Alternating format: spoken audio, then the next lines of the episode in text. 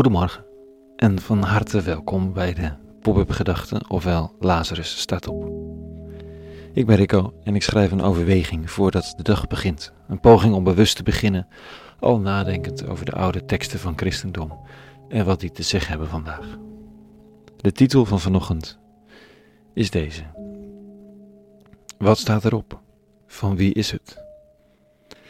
Pop-up Gedachten dinsdag 2 juni 2020.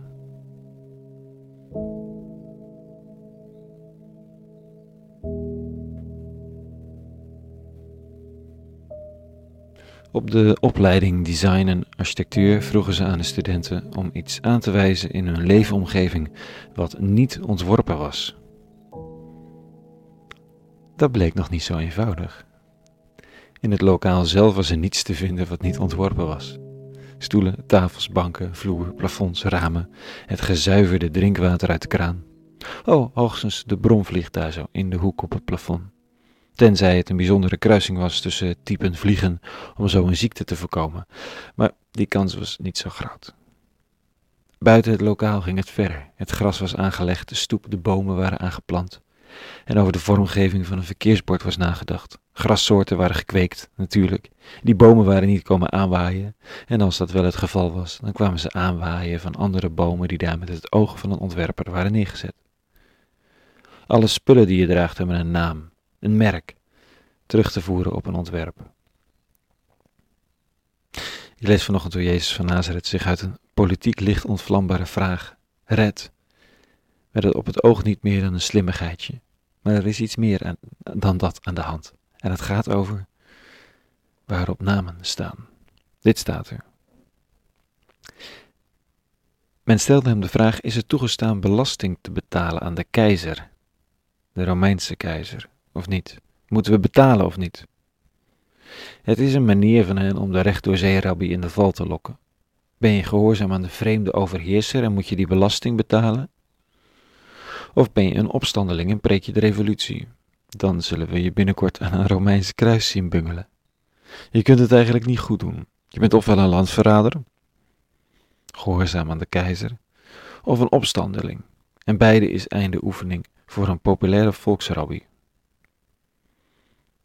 En Jezus zegt: Waarom stelt u hem op de proef? Laat me zijn geldstuk zien. Ze gaven hem een munt en hij vroeg hun: Oké, van wie is dit een afbeelding? En van wie is het opschrift? Van de keizer, antwoordden ze.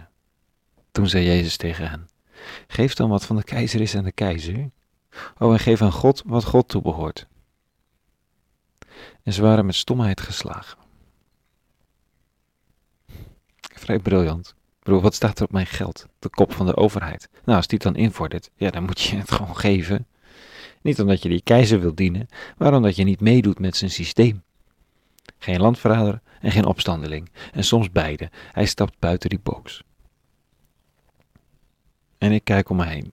Op mijn geld staat de naam van onze overheid. Als die iets wil hebben, moet ik het dus rustig afstaan. Op mijn computer staat de naam van een bedrijf. Op mijn telefoon staat de naam van een ander bedrijf.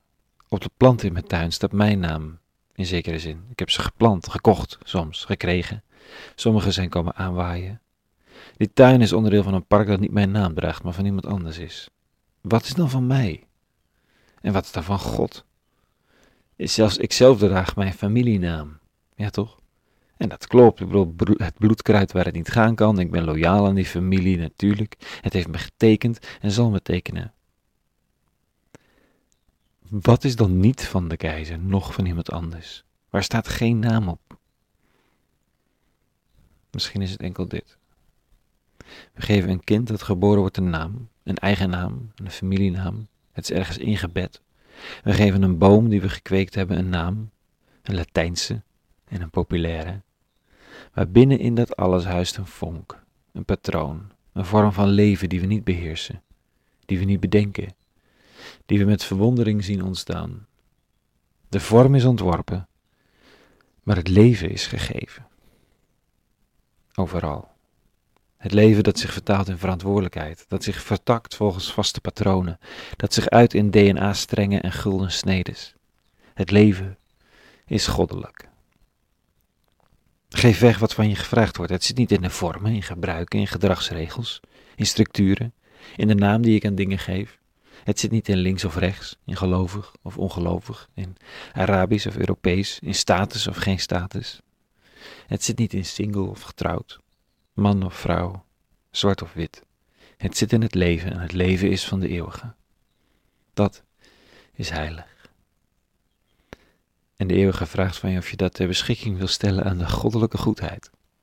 Dat het leven niet zomaar bestaat en zomaar genomen en gegeven kan worden, maar dat er in het leven de naam van de eeuwige staat geschreven en dat het op die manier respect en eerbied verdient, van ontstaan tot bestaan, tot afstaan, in alles. Die eerbied voor het leven, waar deze dagen de wereld in totale verontwaardiging om schreeuwt, dat die aan ons allen gegeven is. Zowel eerbied voor ons eigen leven als die van elke ander, in alles wat leeft. Van wie is het? Dat leven. Wiens naam staat erop? Tot zover.